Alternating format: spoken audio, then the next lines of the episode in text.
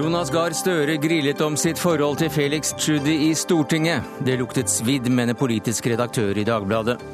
Francois Hollande blir ny president i Frankrike. Klart for en festival i offentlig forbruk, mener valgtaper Sarkozy. Høyre vil forby tigging. Vi kan ikke forby sosial nød, sier SVs Karin Andersen, mens Torbjørn Jagland er bekymret for romfolkets framtid i Europa.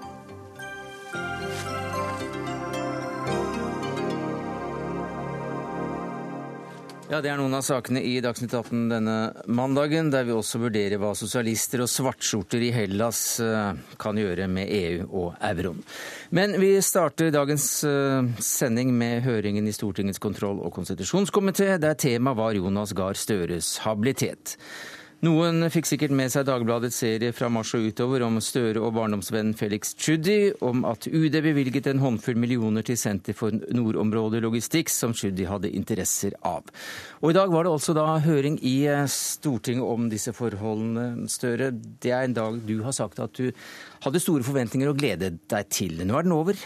Var det noe å glede seg til?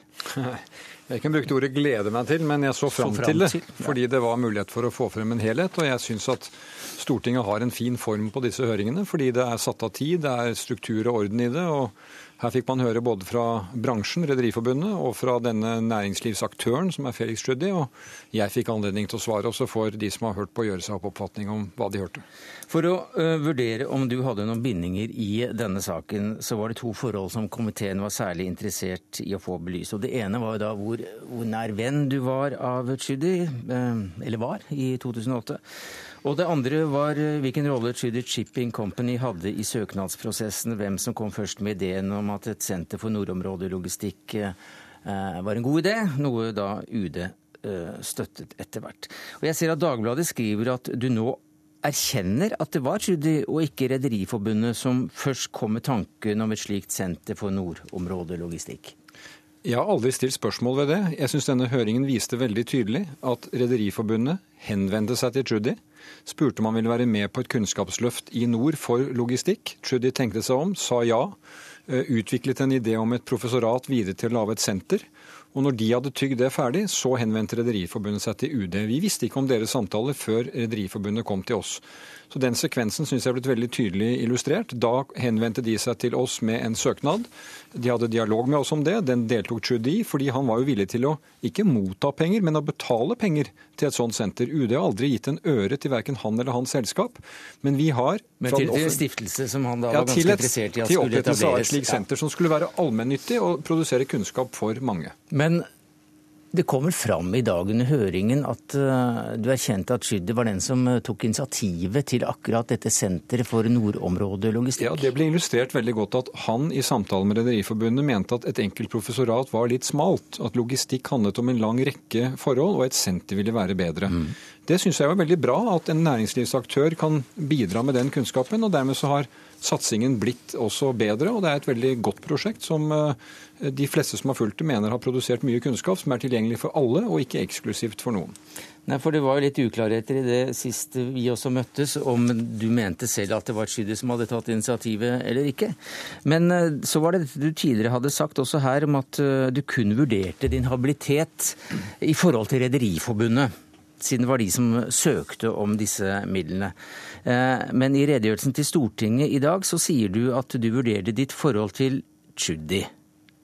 Kan det virke litt uryddig? Ja, men Du må ha to tanker i samme uh, hode. Samme hode. ja. ja. Eh, men jeg skal innrømme at den enkle uttalelsen hos deg sist ble jo sitert i komiteen i dag, at jeg her bare hadde lagt vekt på én ting. Men hvis jeg får lov, så er det altså to forhold her. Det ene er at vi får på vårt bord en søknad fra Norges Rederiforbund, som er initiativtanger, kvalitetssikrer av et stort prosjekt, hvor også Trudy Shipping er med. Det utløser for meg ikke habilitetsspørsmål, for i forhold til Rederiforbundet er ikke noe sånt gjeldende.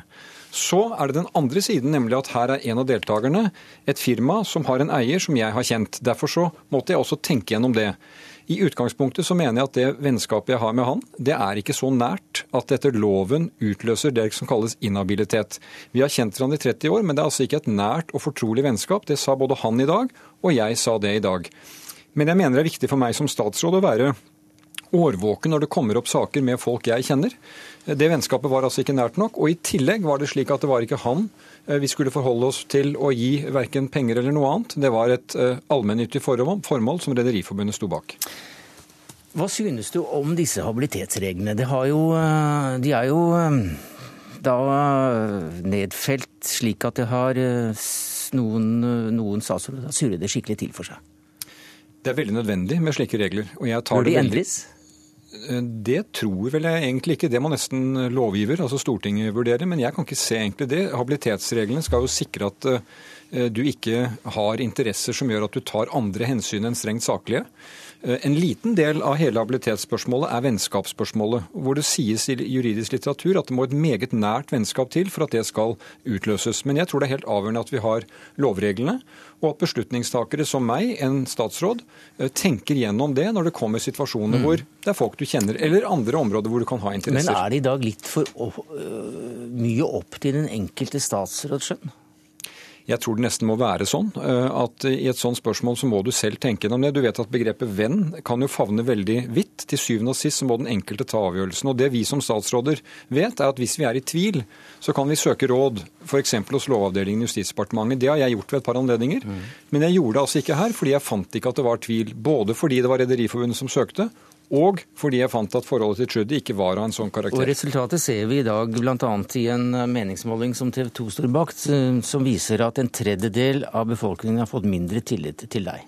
Ja, Det er jo jeg lei meg for. Eh, jeg har nå stått under sju ukers vedvarende trykk eh, med eh, artikler i avisen om dette, med målinger som de forskjellige mediene lager. Sånn er demokratiet i Norge. Det må jeg leve med. Tillit er ikke noe du får en gang for alle. Mm. Det må du hele tiden gjøre deg fortjent til.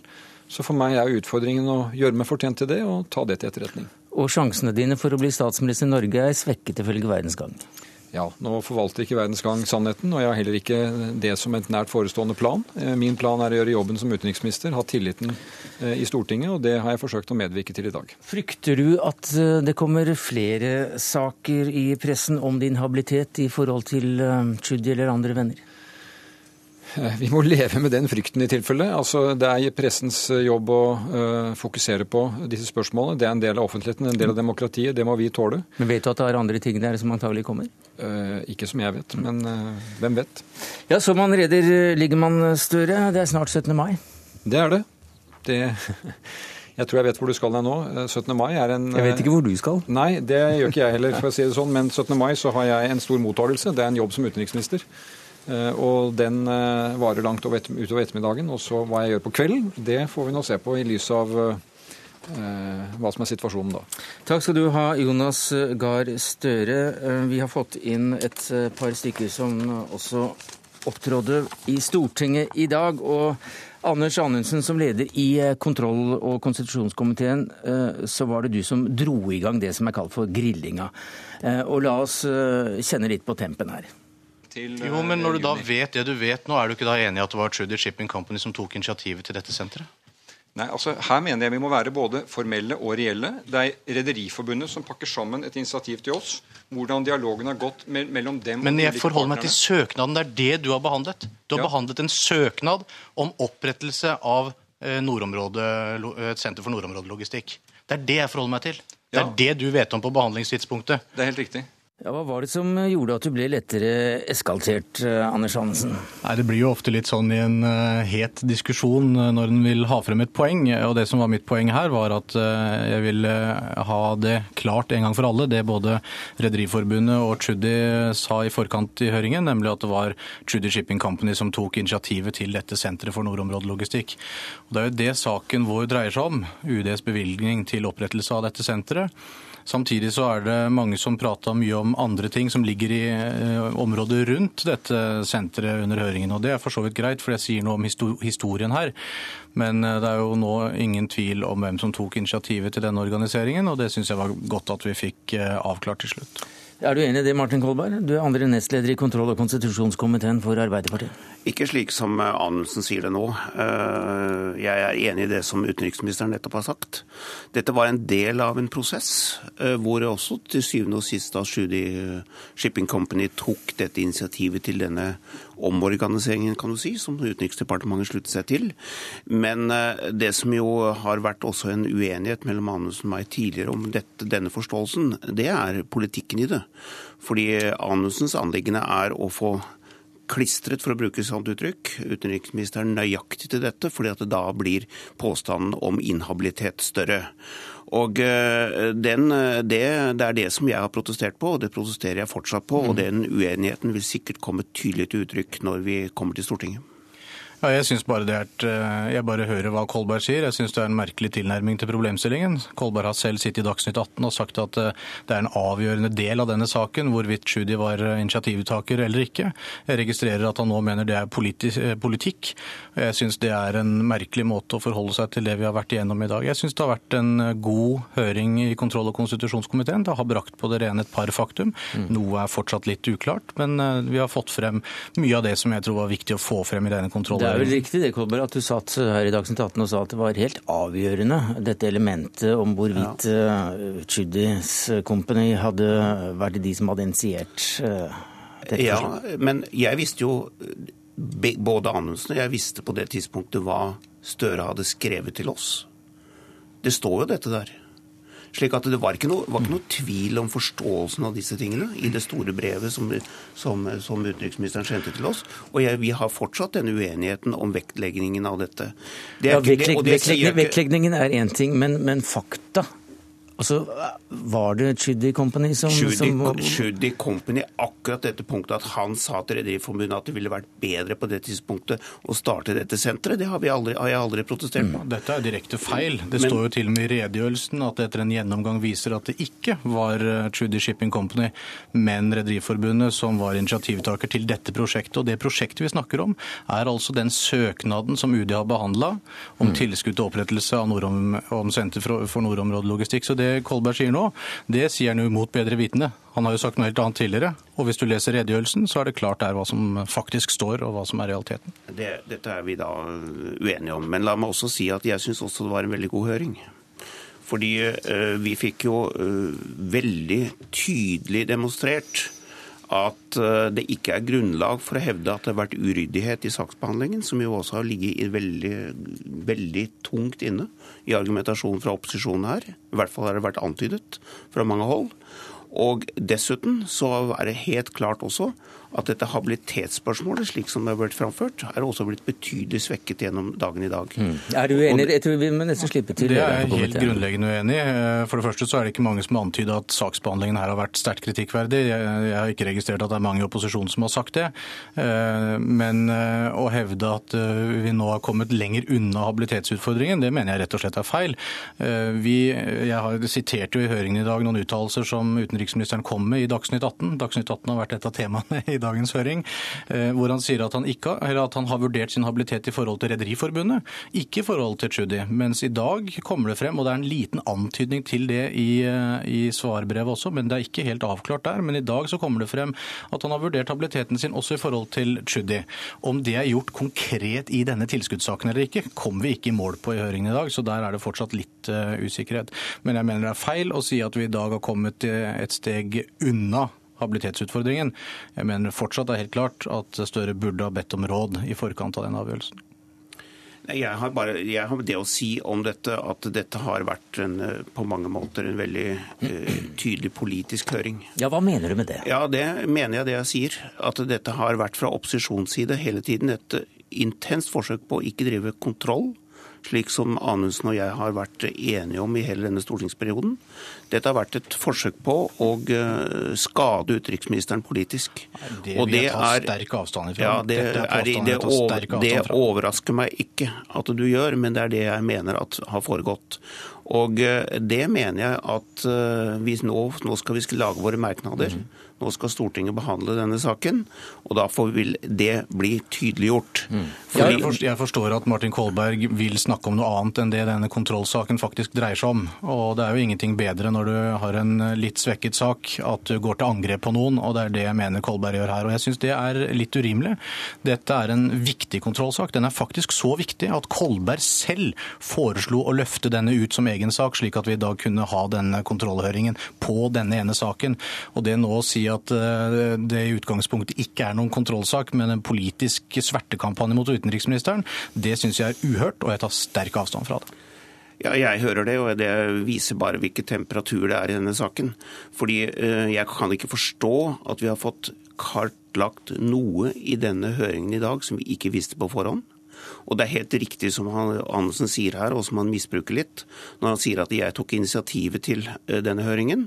Fordi at det gjorde jeg nettopp fordi han tråkk, trakk konklusjoner og mm. ga politiske karakteristikker i forkant. Det har vi tatt en runde på tidligere med ja, dere to her i Dagsnytt 18. Og det var sikkert det nødvendig å svare dette nå. Men uh, på den annen side så er det vel helt legitimt for opposisjonen å prøve å slå politisk uh, mynt på et spørsmål om, om habilitet til regjeringens mest populære medarbeider?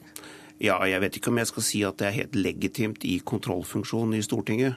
Ja, men Det er politikere, da. Ja, men det, ikke, det, har ikke vært det vi har gjort inntil nå i denne stortingsperioden. Men er det ikke naivt å tro at du skulle skjære ikke... unna politikk i, i, komiteen også? Nei, men eh, greit nok. Men da får man si at det er det man driver med, og ikke iklede kontroll, eh, liksom, kontrollhøringens image mm. når det er det man faktisk driver med. Da får man si det og være ærlig på det.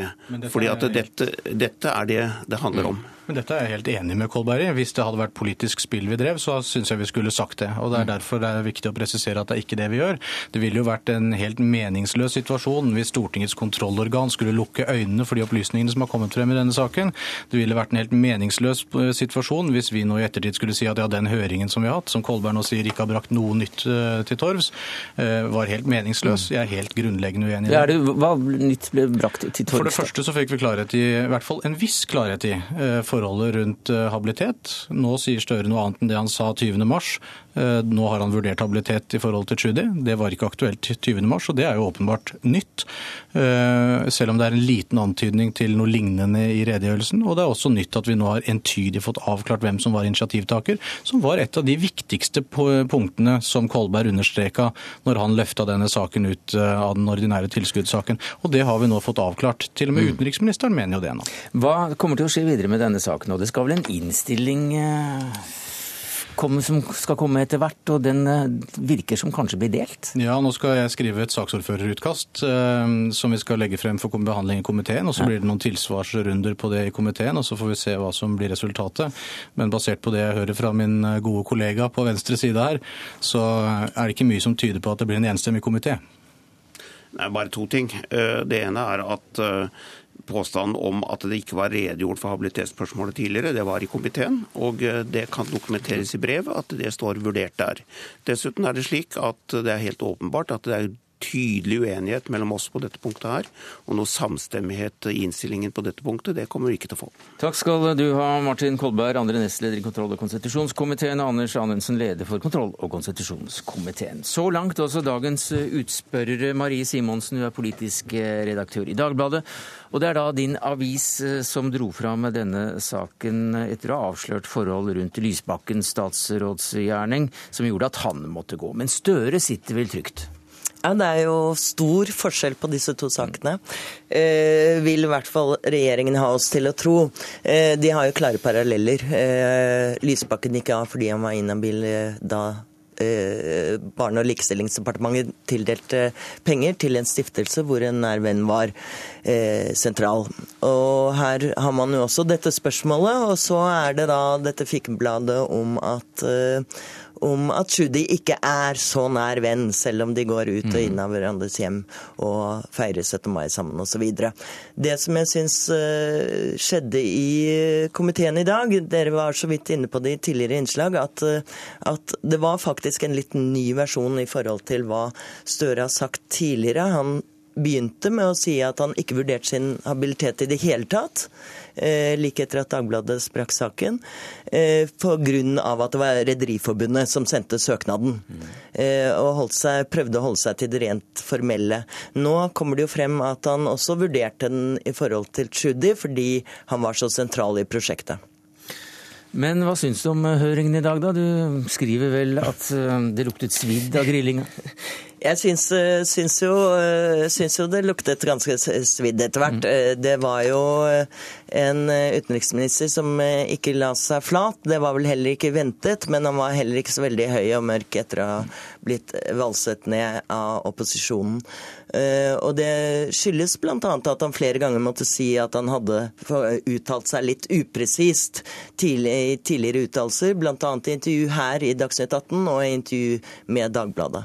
Kunne Bakken, politisk redaktør her i NRK, du har også fulgt denne saken i dag. Er det en svekket politiker vi så i dag? Vi skal ikke overdrive hvor svekket han er. Eh, det er slik at eh, Jonas Gahr Støre har hatt en veldig høy stjerne, og den stjernen den skinner ikke like sterkt. To grunner til det. Det ene er eh, disse forklaringsendringene som han har kommet med underveis. Altså hva slags vennskap har man egentlig hatt? Og så viser det seg at det er nærmere og nærmere vennskap enn det man, man hørte første omgang. Det virker ikke bra. Og så er det det at han da har skiftet noe forklaring. altså Først var det da fordi det var Rederiforbundet som søkte, og så var det det at Tschudi og han ikke var så nære venner, som også lå til grunn her. sånn. Eh, men samtidig må vi huske at det som, som eh, ligger til grunn her, er også at ingen har kritisert at denne stiftelsen har fått penger av staten. De, tvert imot, det virker som om politikerne faktisk mener at det var en god ordning å gi stiftelsen eh, penger. Eh, så det tar jo noe bort. Og det andre er at Rederiforbundet i dag eh, sier jo veldig klart at de også var med på det og var en reell søker. Så han, han fikk eh, den i tillegg. Så, så, jeg vil vel si at nå står egentlig spørsmålet om han burde ha søkt om, eller burde ha sjekket sin habilitet på forhånd eller ikke. For jeg vil neppe tro han var habil, så strenge, inhabil så strenge habilitetsreglene er i Norge. Ja, Det er jo et spørsmål. da. Det er kommet frem bl.a. at han eh, spurte om habilitet i forhold til kronprins Haakon i forbindelse med at regjeringen skal, eh, skal eh, vurdere apanasjen deres. Det er vel ikke all verdens de kan gjøre med den. Men, men uansett, da konkluderte Lovavdelingen med at det var i et grenseland. Og slik jeg ser det, jeg ikke, sitter ikke på Skaugum og, og sitter ikke rundt middagsbordet når de møtes, men, men, det er vel et vennskap som har visse paralleller til det han har med Tschudi også. Men det som er kommet klart fram, og det syns jeg vel eh, også eh, posisjonen burde innrømme, at det hadde vært logisk av Jonas Gahr Støre å bedt regjeringsadvokaten om å ta en habilitetsvurdering på han før han eh, var med på å gi disse pengene. Eh, og Det sitter langt inne å innrømme det for posisjonen, for da vil de samtidig få denne parallellen med, med Lysbakken-saken.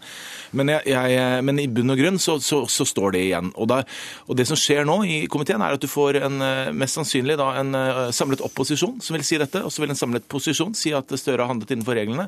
Og dermed så kan han eh, gå ut derfra og si at han vant likevel, fordi de rød-grønnes makt rår. Ja, for... ja men med, med krasse kommentarer vil nok, eh, vil nok, komme. De vil påpeke alle disse tingene. Ja. Og, og, det vil stå igjen at, eh, at, det ikke blir en enstemmig innstilling. Altså at det er flertallet som rår, selvfølgelig der. Jeg ser at kollegaen i VG, Elisabeth Skarsbø Moen, sier at han er klart svekket. Han la seg så flat eh, som personligheten hans tillater, og at ikke det er så langt.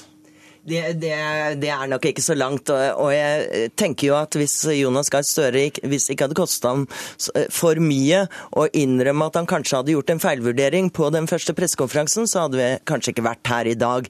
Eh, så det fremstår som igjen som om det er håndteringen som liksom har ført til at, at han er blitt drevet fra skanse til skanse, akkurat sånn som uerfarne statsråder blir stadig vekk. Jeg tror En av de tingene som er skadelig for Jonas Gahr Støre, det er at vi sitter her og diskuterer habilitet og vennskap eh, for eh, utenriksministeren i Arbeiderpartiet. Og hvem er det vi snakker om? Vi snakker om en kronprins og en redermilliardær. Eh, og det er liksom ikke helt den stilen man skal ha i Arbeiderpartiet. Nå har han et rykte på seg for å være litt vestkant, litt, for, si, litt for rik for partiet sitt allerede.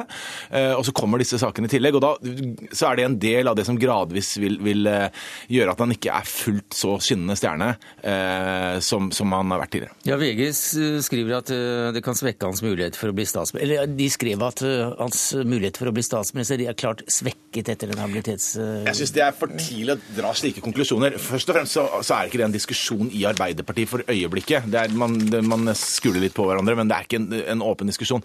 For det andre så er det mye som kommer til å skje av politikk fram til det, og, og, og posisjonering.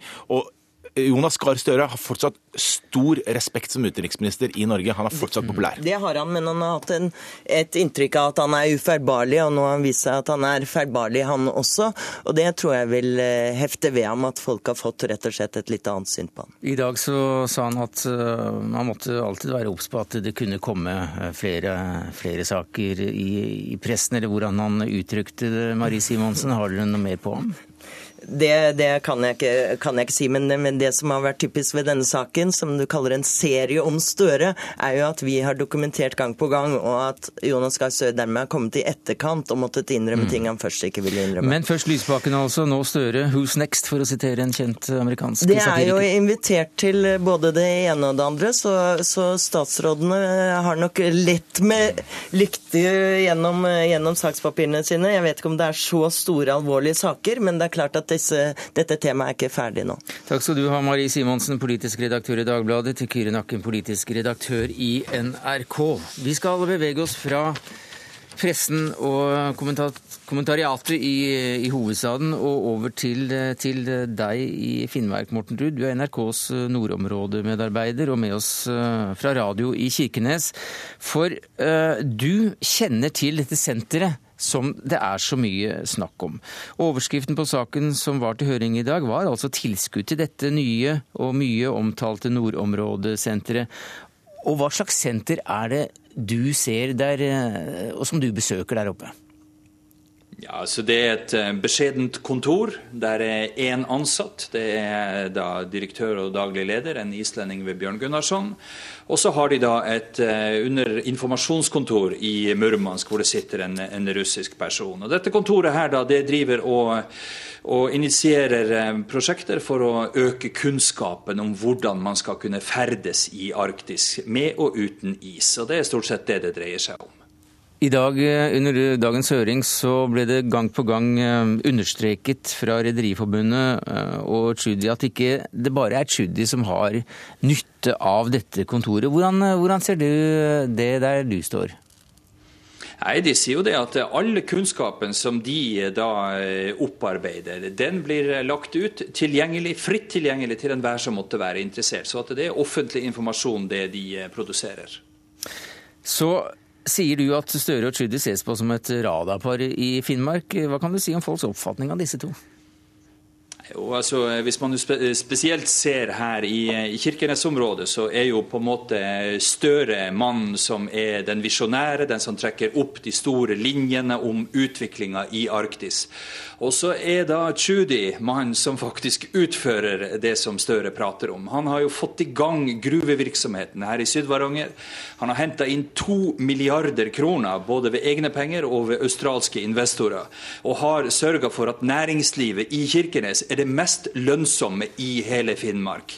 Det er Finnmarks største private bedrift vi snakker om. Det har han dratt i gang. Takk skal du ha, Morten Ruud, nordområdemedarbeider med fra Kirkenes. Dagsnytt 18 alle hverdager klokka 18.03 på NRK P2.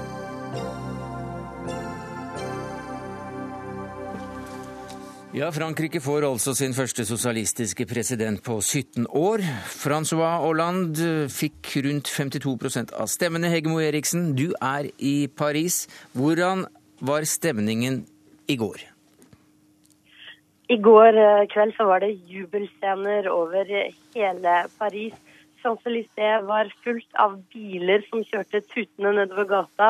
Hovedgata var pyntet med franske flagg. Og jeg traff på mange, spesielt unge mennesker, som løp eh, i gatene mens de skrek 'seieren er vår' og uttrykte veldig sterk glede. I tillegg så var jo da titusenvis av tilhengere samlet på Place de la Bastille. Noen kom ganske tidlig og måtte vente ganske lenge, for det tok helt eh, fram til litt over halv ett på natta før eh, den nyslåtte presidenten François Francois Hollande kom dit. Han var da blitt fløyet inn fra sitt hjemfylke Corrèze og ble fulgt med et haleheng av journalister på motorsykkel på veien til Place de la Bastille, hvor han altså da feiret sin seier til de sene nattetimer i går. Det går rykter om at han var eh, ute helt til klokken fire i natt. Det var ikke jeg.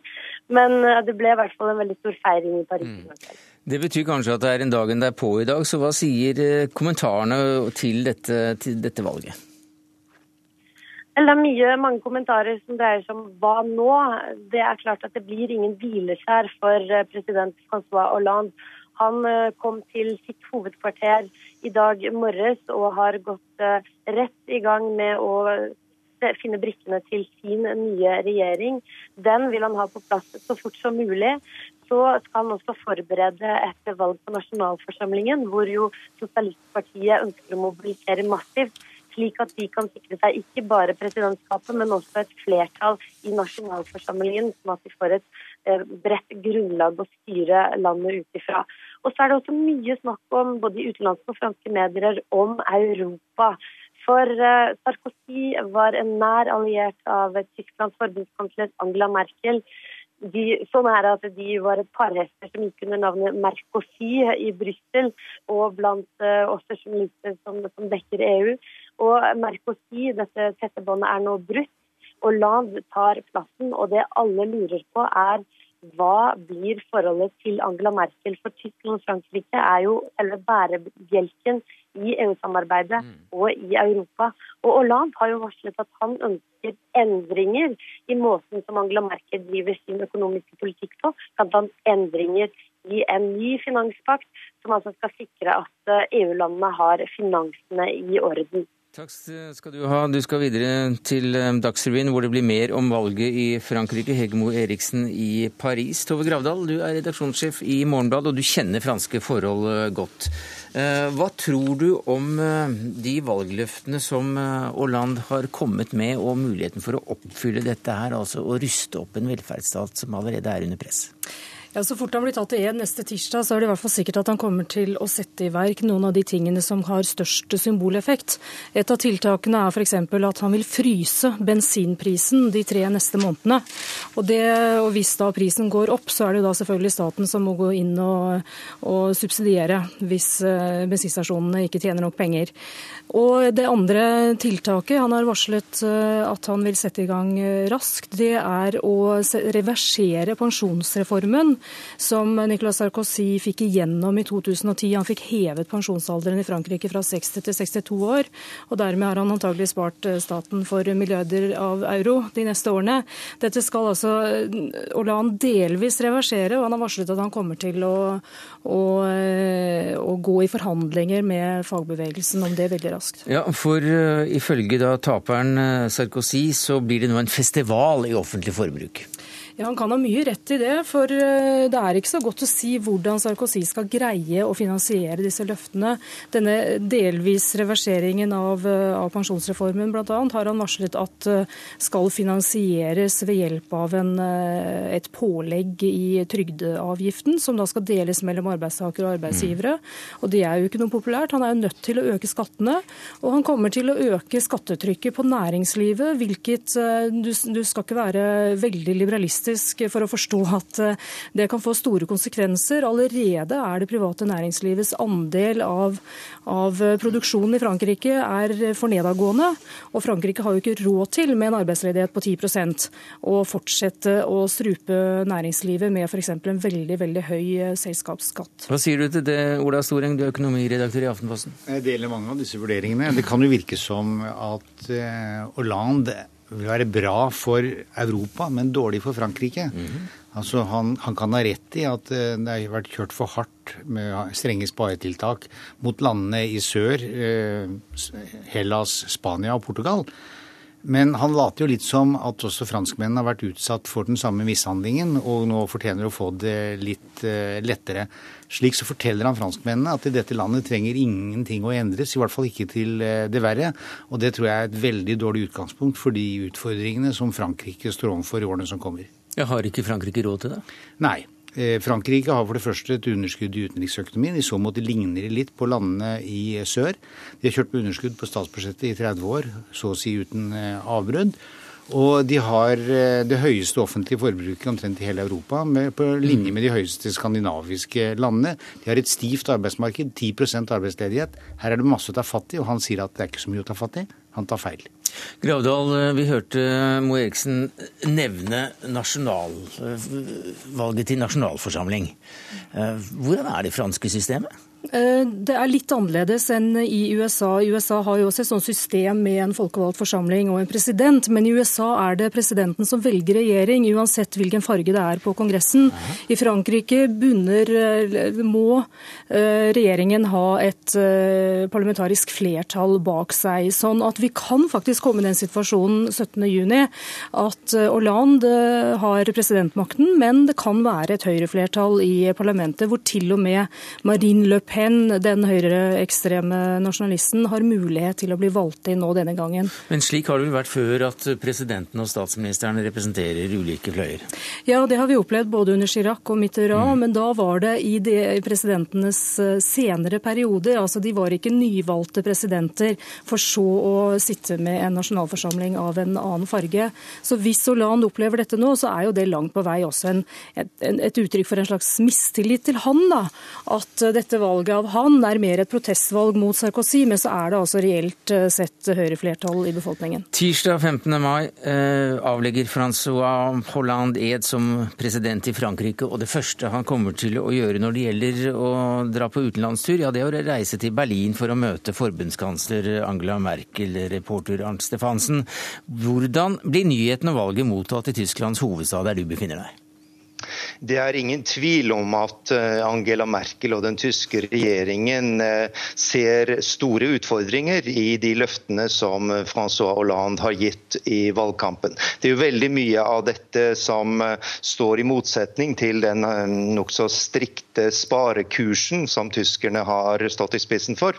Og, og Tyskland og regjeringen her i, i Berlin hadde, hadde vel en følelse av å ha en viss kontroll over situasjonen, har fått gjennom sine viktige viktigste krav i Europa. Og, og litt av trykket fra egne velgere har blitt eh, redusert i de siste månedene. Men nå kommer det tilbake for fullt, både ved valgresultatet i Frankrike og med det som skjer i Hellas. Men, men tror du Merkel sørger over at uh, den andre delen av Mercosi eh, ikke befinner seg på toppen av pyramiden i Paris lenger? Jeg vet ikke om så sørge er det riktige ordet, men eh, jeg er ganske overbevist om at hun hadde eh, foretrukket å fortsette med aksen Mercosy, eh, dette samarbeidet som jo har gått seg bra til etter hvert. Nå får hun altså en, en venstrepolitiker i Élysée-palasset. Og som sagt, mye av det, av det som Hollande har sagt i valgkampen, bl.a. at denne sparekursen eh, er altfor eh, for streng, vi må legge om hele politikken osv. Eh, det er en opplagt utfordring til den tyske regjeringen, selv om man også her ser at det går ikke så bra i Sør-Europa. Det går tvert imot dårlig i Sør-Europa, og det må man også gjøre noe med. Ola Storeng, hvor viktig har denne aksen mellom det som da kalles Mercosi vært for, for både Europa og EU og euroen? Den er i hvert fall svært viktig for Frankrike og Tyskland. De to landene har en felles gjensidig interesse av å spille på lag. Eh, og særlig er det Frankrike, fordi Frankrikes makt i Europa og i EU det, det, knyttes eh, til at eh, de greier å stå sammen med tyskerne. Og nå, Siden det er tyskerne som mer og mer betaler, så tror jeg vi skal være veldig forsiktige med å forestille oss at Sarkozy kommer til å omflals, at uh, Hollande kommer til å gå veldig hardt ut mot Merkel. Og jeg tror vi allerede nå har sett ganske klare signaler på at han er i ferd med å tone ned sine krav. Han har mye å tenke på, og det siste han trenger er å bli uvenner med tyskerne. Jeg tror ikke det spiller noe særlig rolle hva partifargen har. Vi kan bare mane tilbake for vårt indre øye bildene av hans sosialistiske forgjenger eh, Mitterrand, som sto hånd i hånd med den konservative tyske politikeren Kohl rundt den perioden da vedtaket om euro kom. Eh, en fransk president og en tysk forbundskansler er på en måte dømt til å mm. være i samme båt. Den viktigste aksen i EU. Eh, e Uten tvil. Mm. Tove Gravdal, vi skal videre til Hellas og, og, vurdere det valget der nede, også i lys av det som har skjedd i Frankrike. Men før vi gir oss helt med, med Sarkozy og Hollande, Eh, hva kommer eh, taperen til å gjøre nå, da? Han har sagt eh, at han vil trekke seg helt ut av politikken. Det varslet han faktisk allerede på en valgkampreise for flere måneder siden. Om han kommer til å gjøre det, det får vi nå se på. Men han eh, kommer trolig ikke til å spille noen sentral rolle nå foran valget til nasjonalforsamling i juni. Nå er arenaen åpen for maktkamp i partiet hans. Og så finnes det sikkert en stilling til ham eh, på en internasjonal arena hvor han kan passe inn. Takk skal du ha, Tove Gravdal i Morgenbladet. Vi skal også fra Frankrike og til Hellas, for det greske valget på søndag ble, ble en durabelig nederlag for de to to regjeringspartiene. Vinnerne ble fløypartiene, ikke minst den venstre-radikale alliansen Syriza, som nå er det nest største partiet i Hellas med 18 Partiet Gyllent daggry, som ble omtalt som nynazistisk, fikk rundt 7% av stemmene. Ola Storeng, fremdeles økonomiredaktør i Aftenposten, men nå med fordi du kjenner greske forhold svært eh, godt. Hva sier du til dette valget? Jeg, jeg ville først og fremst fokusere på at det er et jordskjelv som har ødelagt partisystemet slik som vi kjente det i Hellas. Jeg hørte i dag et tall om at 80% av medlemmene av nasjonalforsamlingen blir ikke gjenvalgt. Altså enhver som har vært i nærheten av makt, er på en måte eh, brennmerket, om jeg kan si det på den måten. Eh, når da PASOK mister 70% av sine stemmer, så tror jeg det er svært vanskelig å finne eksempler på noe lignende i moderne europeisk historie. Og, så det vi ser her sånn, det er en befolkning som har søkt vekt fra de to tunge partiene i midten, eh, Nytt demokrati og PASOK, som på ulike måter deler ansvaret for alt som har gått galt både på lang sikt og det siste halvåret. Og som satt i regjering. Og, og som satt i regjering. Mm. Og så søker de ut til i retning eh, fløyene. Og den store overraskelsen det er da hvor, hvor sterkt denne, dette sosialistiske valgforbundet, Syriza, som egentlig er en samling av småpartier, har gjort det. De har gått forbi PASOK og puster altså nytt demokrati i nakken. Hva slags uh, styre vil vi få i Hellas nå, da? Ja, Det er det ingen som vet. Nei, men vi spør deg. Eh, ja, eh, og da vil jeg si at det beste Det man prøver å få til den eneste, Det er to muligheter. Det mest sannsynlige er at det blir nyvalg og at det kommer allerede i juni, fordi det er en helt fastlånssituasjon. Alternativet, slik som det nå ser ut, er en form for samlingsregjering. De to regjeringspartiene, PASOK og Nytt demokrati, mangler bitte lite grann på å ha flertall alene. Og begge de to partilederne har sagt at de går ikke inn i en ny regjering hvis de ikke får med seg flere i en bredere form for konstellasjon. Eh, nå i ettermiddag så har eh, Antonius Samoras, han som har fått på en måte førsteoppgaven prøvd å danne regjering, lederen for Nytt demokrati, hatt kall det mislykkede møter med flere partiledere. Og han avsluttet for en liten halvtime siden et møte med Venizelios, lederen for PASOK, hvor dette bildet om at begge to, og kanskje aller sterkest PASOK, understreker at skal de være med i en regjering, så blir det en samlingsregjering. Dette er omtrent som å ja, jeg vet ikke hva jeg skal si, selge, selge, snøballer i et veldig varmt sted. Det går mot nyvalg, tror jeg. Men eh, ved et nyvalg, da, vil ikke bare det øke en polarisering ved at eh, man hisser opp fronten frontene enda mer?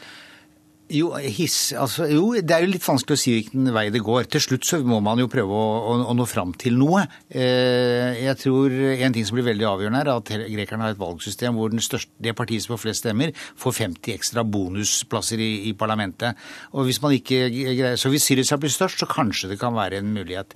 Men det virkelig spennende, og særlig hvis vi nå tenker oss i en europeisk eh, kontekst, det er jo at eh, dette er jo en del av et europeisk drama hvor det greske valget kan tolkes som et et opprør fra gresk side mot den avtalen som var inngått med, med Det internasjonale pengefondet og med EU. Og selv ikke PASOK og Nytt demokrati, som har undertegnet den avtalen og nærmest tatt sin død av det, vil nå lenger forsvare avtalen i den formen den har. Og Sirisa, dets store suksess, er jo basert på at den sier blankt eh, nei. Så med andre ord, her går det jo mot en form for reforhandling, og kanskje til og med også en, en nye forhandlinger om gjeldslette i Hellas, noe som har vært helt forbudt å snakke om, men som kanskje blir litt lettere å snakke om med Hollande i Frankrike. Men, mm. men, eh, Og vi hører enkelte uttalelser av typen her er det ikke mye rom for forhandlinger, sier enkelte anonyme talsmenn i Tyskland. Det viktige med det er jo at implisitt sier de at det er rom for forhandlinger. Jeg tror vi får dragkamper på tvers av det greske landskapet og like mye på tvers av Europa, hvor det som egentlig ligger i potten, det er Hellas fremtid i, i euroen. Men da at eh, fløypartiene har fått såpass eh, stor oppslutning og regjeringspartiene ikke har flertall, det fører altså muligens til at Hellas kommer i en bedre posisjon i forhold til eh, ikke minst eh, Tyskland, som jo da er sett på som hovedfienden når det gjelder å få forhandlet fram en fornuftig ordning? Ja, eh, Hvis bedre posisjon er ordet. Man kan vel i viss forstand si at den greske forhandlingsposisjonen er styrket av at ingen nå kan benekte at Hellas er inne i en depresjon og holder på å falle fra hverandre økonomisk. Politikken er så mislykket at det er jo ingen som stor glede eller med stor troverdighet, heller ikke Tyskland, kan forsvare og bare gå rett videre langs den, den samme linja. Har, politikken har jo ikke levert det som ble lovet. Men hva da med hele eurosamarbeidet? Rystes det av dette? Svaret er litt uh, uklart. Jeg tror det er to hovedsyn i de europeiske hovedstedene. Det er de som drømmer om å bli kvitt grekerne. Da kan det bli ro, kanskje. Og så er det de som nettopp mister nattesøvnen ved tanke på at grekerne skal gå ut. Og da er resonnementet at det kan føre til et finansielt sjokk som ligner litt på Lehman Brothers. Drar Portugal med seg og føre eh, Europa ut i en finansiell krise. Det er jo ingen som vet dette, men selve muligheten for det gjør at Hellas har sterkere forhandlingskort enn det man kanskje skulle tenke seg. Panos Dimas, du er filosof og du er leder ved Det norske instituttet i Aten. Om det var en dagen derpå for eh, franskmenn i dag, så er det vel kanskje det også for grekerne. Hvordan reagerer de på valget? Ja, øh jeg tror nok at grekerne er i sjokk. Eh, ganske mange av de som kastet proteststemme i går, eh, selv de tror jeg i veldig stor grad ventet på at de to tradisjonelt sett store partier, Nytt demokrati og PASOK, eh, skulle få større oppslutning enn det de fikk. Jeg tror de til og med håpet på at de skulle kunne få større oppslutning. Hva sier avisene? Eh, avisene er like forvirrede. Eh, jeg tror ikke at noen ventet at dette skulle bli så dramatisk som det ble. Jeg tror de fleste som sagt hadde regnet med at selv om de to store partiene ville gå ned i oppslutning, så ville de, få, så ville de kunne få nok til å kunne danne en regjering, til å samle seg eh, for å danne en regjering. Det kommer, det, er, det kommer, ikke til å bli tilfelle, og det kommer heller ikke til å bli tilfelle at det blir noen annen regjering. Det ser ikke ut som man kommer til å stable sammen noen koalisjon i det hele tatt nå, en regjeringsdyktig koalisjon. Så Det avisene gjør nå, er å prøve å finne ut De er masse forvirrelse, som sagt. Det de prøver å finne ut nå, er hva som gikk gærent. Og i veldig lite grad eh, forsøker de å finne ut hva som kommer til å skje videre. Antagelig fordi de fleste tror at det er ikke så veldig mye som kommer til å skje videre. Og annet enn at det kommer til å bli skrevet ut nytt valg nokså snart. Men det som kommer til å skje, er jo at eh, man får inn et parti som eh, få på forhånd trodde hadde noen sjanse, nemlig det som omtales som, som et nynazistisk politi i flere medier. Ola Storing, hva slags parti er det? Ja, Det er kanskje Dima som burde svare bedre på det. Men ja, skal få svare etter deg. Ja, Men eh, det er jo et parti som dels lever på grekernes eh, tragedie, og dels lever på innvandrernes tragedie. Hellas er jo innfallsporten til EU eh, e fra, fra Asia. Og det er jo hundretusener, og noen mener en million, innvandrere i, i, i Hellas, ulovlig mange av dem, uten papirer. Og eh, i denne situasjonen, når dette faller sammen med at grekerne selv mister jobben, så er det altså grobunn for svartskjorter som nærmest fysisk rydder opp i deler av Aten sentrum. Eh, går løs på, på innvandrere fra f.eks. Afghanistan og Pakistan. Kombinert med at de til dels også driver noe sosialarbeid mot, mm -hmm. rettet mot nødstedte grekere. Så dette er jo en, en, en kraftig cocktail som, som, vi jo kjenner litt igjen fra 1930-tallet lenger nord i Europa. Ja, Panos Dimas, eh, Det blir altså omtalt som nynazister, eh, denne gjengen her. Og vi har jo sett de gjøre rene nazihilsener. Hvordan virker det der du er? Det er et nynazistisk parti. Uh, helt klart. Uh, men jeg tror, ikke, jeg tror ikke dette partiet kommer altså jeg tror ikke at Dette partiet fikk 7,5 av stemmene i går. Jeg tror ikke det finnes 7,5% nynazister i Hellas. Uh, jeg har egentlig veldig lite, å føye til det som ble sagt tidligere om dem. Det de, uh, det de tjener på, er uh, egentlig at folk er nokså fortvilet over situasjonen. Veldig mange innvandrere veldig mange tror at innvandrere får deres jobber, som er bare tull og tøys. Men allikevel så har de klart å spille den, den situasjonen såpass i deres favør at de kom inn i, inn i nasjonalforsamlingen så sterke som de gjør. Men dette er ikke noe som kommer til å vedvare, tror jeg. Takk skal du ha, Panos Dimas, filosof og leder ved Det norske instituttet i Aten, og til deg, Ola Storeng, økonomiredaktør i Aftenposten.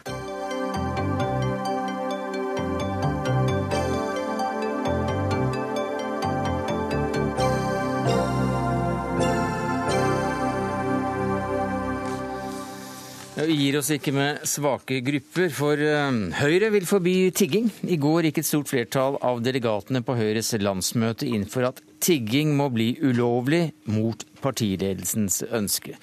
Og eh, det fikk deg til å seile, Karin Andersen. Du er arbeids- og sosialpolitisk talskvinne for SV. Hvorfor det? Jo, fordi det ikke går an å forby sosial nød. Og fordi vi har allerede i dag forbud mot uh, organisert tigging, mot menneskehandel, mot de tinga som, som uh, er ulovlig, da. Så det, du står igjen liksom bare med det siste, nemlig at folk kan sette seg ned rolig med pappkoppen sin og, og, be om penger når de ikke har. Det vil jo gjelde mange av rusmisbrukerne vi har. Eh, som er i en vanskelig situasjon. Og det var jo dem som ba oss om å fjerne tiggerforbudet når eh, vi foreslo det. Eh, og det andre er liksom det jeg opplever som, som vanskelig med dette, er jo at det sender liksom et signal ut om at man bare kan rydde opp, rydde unna folk som, som har det vanskelig. Og det tredje er jo eh, altså vi, vi, trenger politi til å bekjempe alvorlig kriminalitet. Og da kan det handle om menneskesmugling og, og kanskje òg organisert kriminalitet. Eh, og det kan jo være i mange miljøer. Men akkurat det å sitte på gata med en kopp og be om penger, det syns jeg ikke vi skal kaste bort mm. politiressurser på. Nikolai Astrup fra Høyre, du var på talerstolen og du støttet tiggeforbudet. tiggerforbudet. Jeg gjorde det, men jeg vil si at det er en vanskelig sak. Det er ikke noe tvil om det for en liberal sjel å gå inn for å forby tigging. Eh, når jeg likevel gjorde det, så handler det om at eh, hele begrunnelsen for det velferdssystemet som vi har bygget opp møysommelig over tiår, handler jo om at folk skulle slippe å sitte med lua i hånden. At folk skulle slippe å ydmyke seg selv eh, offentlig og at folk skulle slippe å være avhengig av tilfeldig forbipasserendes velvilje. Men du kan jo ikke forby nød, sier Andersen her. Nei, men eh, vi, da forutsetter hun også at eh, tigging hjelper mot det som er årsaken til at de menneskene sitter her. Og vi vet at det er to grupper i norske samfunn som tigger. Det er eh, utlendinger som kommer til Norge og som tigger for å få råd til å betale tilbake den bussbilletten som andre bakmenn har finansiert for dem. Mm. Og som utnyttes på det groveste. Og dette kaller jeg organisert kriminalitet. Eh, og så er det rusmisbrukere. Men, men, la oss holde oss til, eh, til, utlendingene som kommer. og Det er eh, spesielt mye fokus rundt romfolket som fyller gatene med, med å sitte og, og be om, om, en slant, Andersen. Ja, og det vi ser jo nå Men det hjelper i, dem jo ikke å gi, å gi, penger, sier Høyre altså Det hjelper dem i hvert fall ikke å kriminalisere dem. Hva, hva, godt skulle komme ut av det i det hele tatt, annet enn at vi bruker opp politiressurser, sender dem ut og de kommer tilbake igjen. Og det som er, det som er skummelt med akkurat det som handler om romfolket, er jo at det er ei folkegruppe som er uglesett i eh, nesten alle land. har problemer, lever i stor sosial nød. Og nå har vi jo hørt om eh, forrige innslag her om krisa i mange land i Europa. Jeg, jeg skal vel ikke spå veldig, veldig lurt om jeg sier at jeg tror ikke det finnes ei krone nå til romfolk på budsjetter i noe land. Og Det gjør jo at de fortsatt kommer til å være i en veldig vanskelig situasjon. Og kanskje liksom den herre den, den eh, Hva skal jeg si Fordommene og, og, det at man, de liksom blir jaga fra land til land, det er jeg veldig redd for. For det er folkegrupper som har lett for å liksom da bli helt utstøtt. Mm. Og det minner om noe som jeg tror verken Astrup eller jeg liker å tenke på. Det er ingen tvil om at eh, vi skal ikke på noen måte diskriminere romfolket. Men vi må huske på at de utenlandske tiggerne som kommer hit, organisert av bakmenn, eh, er ikke bare romfolk. Eh, det er altså mange fra flere land i Øst-Europa som kommer hit. Det er, ikke, det er ikke bare, men, Nei, men det er noen av dem er det. Så det mm. handler ikke om at dette er romfolk som kommer hit og, og tigger, og dem skal vi ha ut. Det handler om at vi ønsker den organiserte kriminaliteten til livs, uavhengig av hvilket folkeslag man tilhører. Ja. Eh, ja, men den praktiseres i ytterste konsekvens gjennom å sitte på gaten og be om penger. Og ved da, å gi penger, så opprettholder vi den tiggingen. Men, men, det, er jo, men det er jo da du, du, går bare på symptomet, og du går på de aller svakeste i leddet. I stedet for da å bruke knappe politiressurser mer til å gå på bakmennene da dersom det er det, eller enn å gå løs på de enkeltfolka som, som virkelig er i klemma. Det er, det er da vel ikke dem vi skal ta? Nei, Jeg er helt enig i at dette handler om å ta bakmennene, men det handler også om å ikke eh, lure eh, mennesker til å reise flere, flere tusen kilometer i håp om å få et bedre liv i Oslos gater f.eks. Eh, eller andre byer i Norge. Eh, og så kommer de hit, og så blir de skuffet, for de får ikke det. Det eneste de får, det er en lang avbetalingsplan fra andre som står bak. De blir lurt inn i annen form for kriminalitet, eh, og det er, mener jeg, er uakseptabelt og noe vi må bidra til å bekjempe. Men ingenting av dette vil bli borte et, nødvendigvis med et forbud. Det, det er da vi får fokus på helt feil sted. Og jeg tror at dette nok har noe med det ubehaget vi føler alle sammen mm. over tigging. Det ene er fornedringa, men det andre er at folk syns at dette er fælt å se men, på. Men Andersen, du var inne på romfolket, og, mm. og, dere har begge kommentert at det utgjør en av de største gruppene når det gjelder uh, tiggerne. Og en som har vært opptatt av romfolket, det er deg, Torbjørn Jagland, generalsekretær i Europarådet, med på telefon fra Sarajevo. Du snakket bl.a. om disse i 1. mai-talen din til Oslo Arbeiderparti, og sa at det er Eh, en europeisk trend nå å hetse dem. Hva sier du til Høyres vedtak? Nei, Jeg vil ikke blande meg opp i debatten om uh, man skal forby eller ikke uh, tigging. Det er ikke mitt anliggende.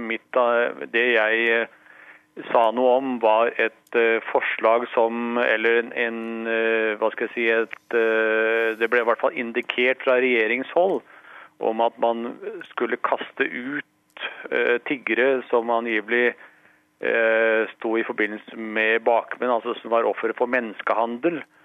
Og Det er da jeg kan komme inn og slå i bordet med forpliktelser som Norge har tatt på seg under eh, konvensjonen om menneskehandel. For den slår uttrykkelig fast at de som er offer for menneskehandel, skal ikke kastes ut, de skal faktisk beskyttes Eh, så det var det som var mitt anliggende. Men for øvrig vil jeg jo si at eh, romfolket er ikke bare den største minoriteten vi har i Europa i dag, men er også den absolutt mest diskriminerte. Lever under forferdelige forhold i veldig mange land. Eh, som også i senere tid er blitt angrepet fysisk. Noen av dem er blitt drept. De utsettes for f.eks. Den europeiske menneskerettighetsdomstolen har avsagt dom mot den tsjekkiske republikk, som hadde som praksis at eh, barn fra romfolket ble sendt til skoler for psykisk utviklingshemmede. Det er bare ett eksempel på hvordan disse folkene blir eh, diskriminert og behandlet. Det er også et eh, bakteppe her fra annen verdenskrig, der ja, tallene er vel usikre, men mellom 500 og er det halvannen million representanter for romfolket forsvant? Det er helt klart. Dette er, eh, en, eh, dette er, et eh, folk som er blitt utsatt for systematisk diskriminering og blitt syndebukker i de aller fleste land. Vi så det jo nå nylig for et par år siden da president Sarkozy ville kaste ut romfolket fra Frankrike på kollektiv basis. Eh, men som viste seg også var helt uholdbart i forhold til de eh, forpliktelser som eh, landet hadde da påtatt seg. Så det er veldig viktig å reagere når man forsøker seg på ting som absolutt står i, i strid med de internasjonale forpliktelser man har. Ja, Strup, er det noe av dette bakteppet som gjør at det er ekstra vanskelig å ta stilling i disse sakene? Også for Høyre, som jo var splittet, og ledelsen var imot det majoriteten på landsmøtet vedtok? Ja, åpenbart, fordi mange kan oppfatte at eh, det er derfor man er, ønsker å forby tigging. Men overgrepet her består jo ikke i å forby tigging, men å diskriminere eh, romfolket.